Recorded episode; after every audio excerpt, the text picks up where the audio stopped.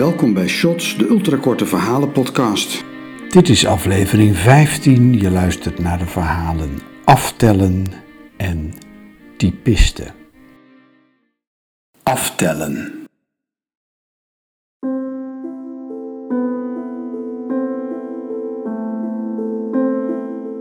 Op een gewone doordeweekse dag verschijnt uit het niets, midden boven het dorpsplein, een klok.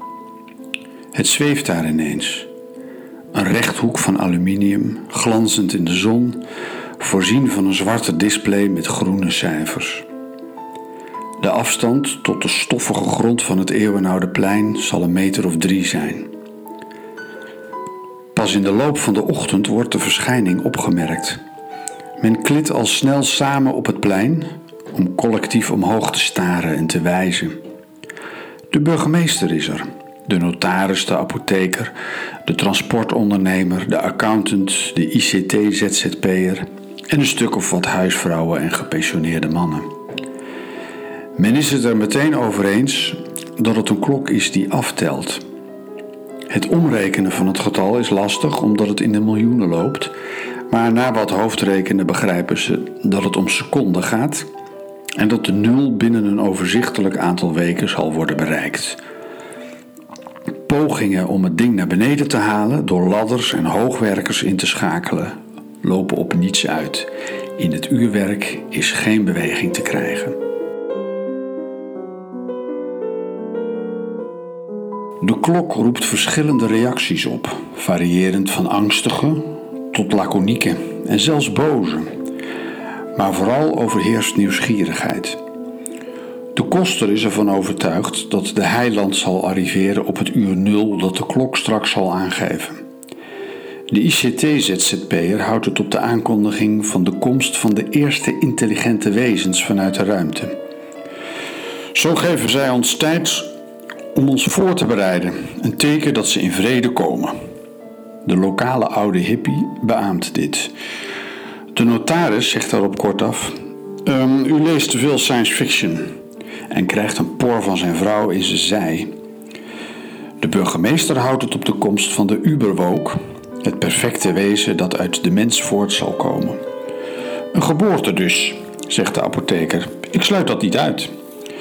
De transportondernemer is van mening dat de eindtijd aan zal breken en zich zal aandienen in de gedaante van vuur. Enkele jongeren beschuldigen de politiechef ervan dat hij angst wil zaaien met de klok om zo zijn grip te verstevigen en dreigen met acties. Na twee dagen discussies en geruzie gaat er s'nachts een molotovcocktail door het raam van het politiebureau. Met lasbranders en zelfs vlammenwerpers en explosieven gaan enkele mannen de klok te lijf.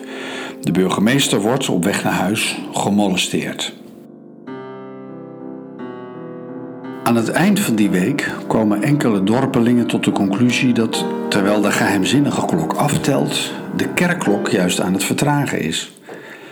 De tijd die de wijzers aangeven komt niet langer overeen met de stand van de zon. Vervolgens blijken bijna alle klokken en elk horloge in de omgeving aan hetzelfde euvel te leiden. Nu breidt de paniek en de samenzweringstheorieën gevoeligheid zich rap uit naar de rest van de mensen. Er ontstaan vechtpartijen en klopjachten op vermeende schuldigen achter de aftelklok. Er gaan enkele huizen in brand. De accountant heeft intussen berekend dat als de klokken en horloges blijven vertragen in hun huidige tempo, ze precies zullen stilstaan op het moment dat de aftelklok zijn nuluur bereikt. Er is geen twijfel mogelijk, dus maakt de burgemeester het ook maar officieel bekend, leunend op krukken en vanuit zijn bijna hermetisch verbonden hoofd. De tijd is aan het vertragen en zal binnenkort helemaal tot stilstand komen. Het is aannemelijk dat ook wij allen dan zullen stoppen. Tijd dus om, nu het nog kan, te doen wat u nog wil doen, altijd had willen doen of u te doen staat. Dat advies neemt iedereen ter harte. De gevolgen laten zich raden.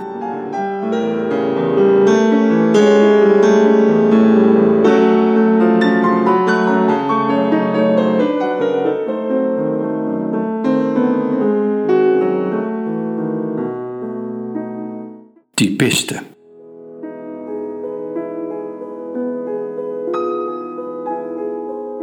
Renate kan niet meer stoppen met typen.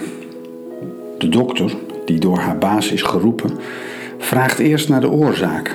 Maar uit Renate komt geen zinnig woord terwijl ze doortikt, met wijd open gesperde ogen. De baas, meneer Roelof, haalt zijn schouders op. Weet ik veel, zegt hij. Ik zal wel weer iets verkeerds hebben gezegd. Ze is nogal licht geraakt, juffrouw Renate, ziet u. Hij laat een nieuw vel papier aan de bovenkant in de machine glijden. Anders typt ze de rol kapot. Dit is een splinternieuwe IBM, meneer. Omdat Renate blijft typen, draaien de mannen een rol behangpapier in de machine, zodat ze daar even vanaf zijn. Vervolgens lezen ze het getypte, maar daar is geen soep van te maken. Flarden van notulen en zakelijke correspondentie wisselen elkaar af. Renate is geheel verkrampt, zodat ze haar niet van haar stoel durven halen. De dokter vindt het weghalen van de IBM-typemachine niet aan te bevelen, aangezien dit volgens hem een shock kan veroorzaken. We moeten uw secretaresse intussen water laten drinken en iets te eten geven. Heeft u een rietje? Zo houden ze Renate aan de praat.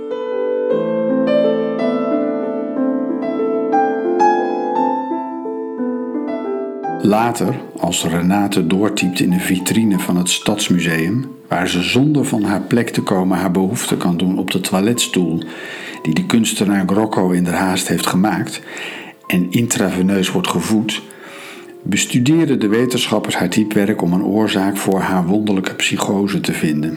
Maar ze vinden niks, nul. Renates man en kinderen zoeken haar aanvankelijk elke dag op, maar later alleen nog op zondag. En tenslotte houden ze haar voor gezien.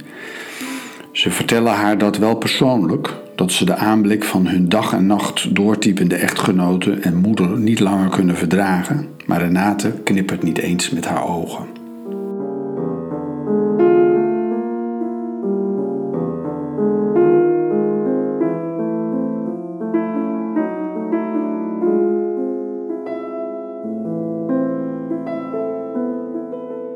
Deze verhalen werden geschreven en verteld door M.H. Vesseur. De muziek, de etude voor piano, opus 39 nummer 2 in A mineur van Sergei Rachmaninov, werd speciaal voor deze podcastserie gespeeld en geproduceerd door Jeroen van Veen. In de volgende Shots podcast weer twee nieuwe ultrakorte verhalen. Abonneer je nu.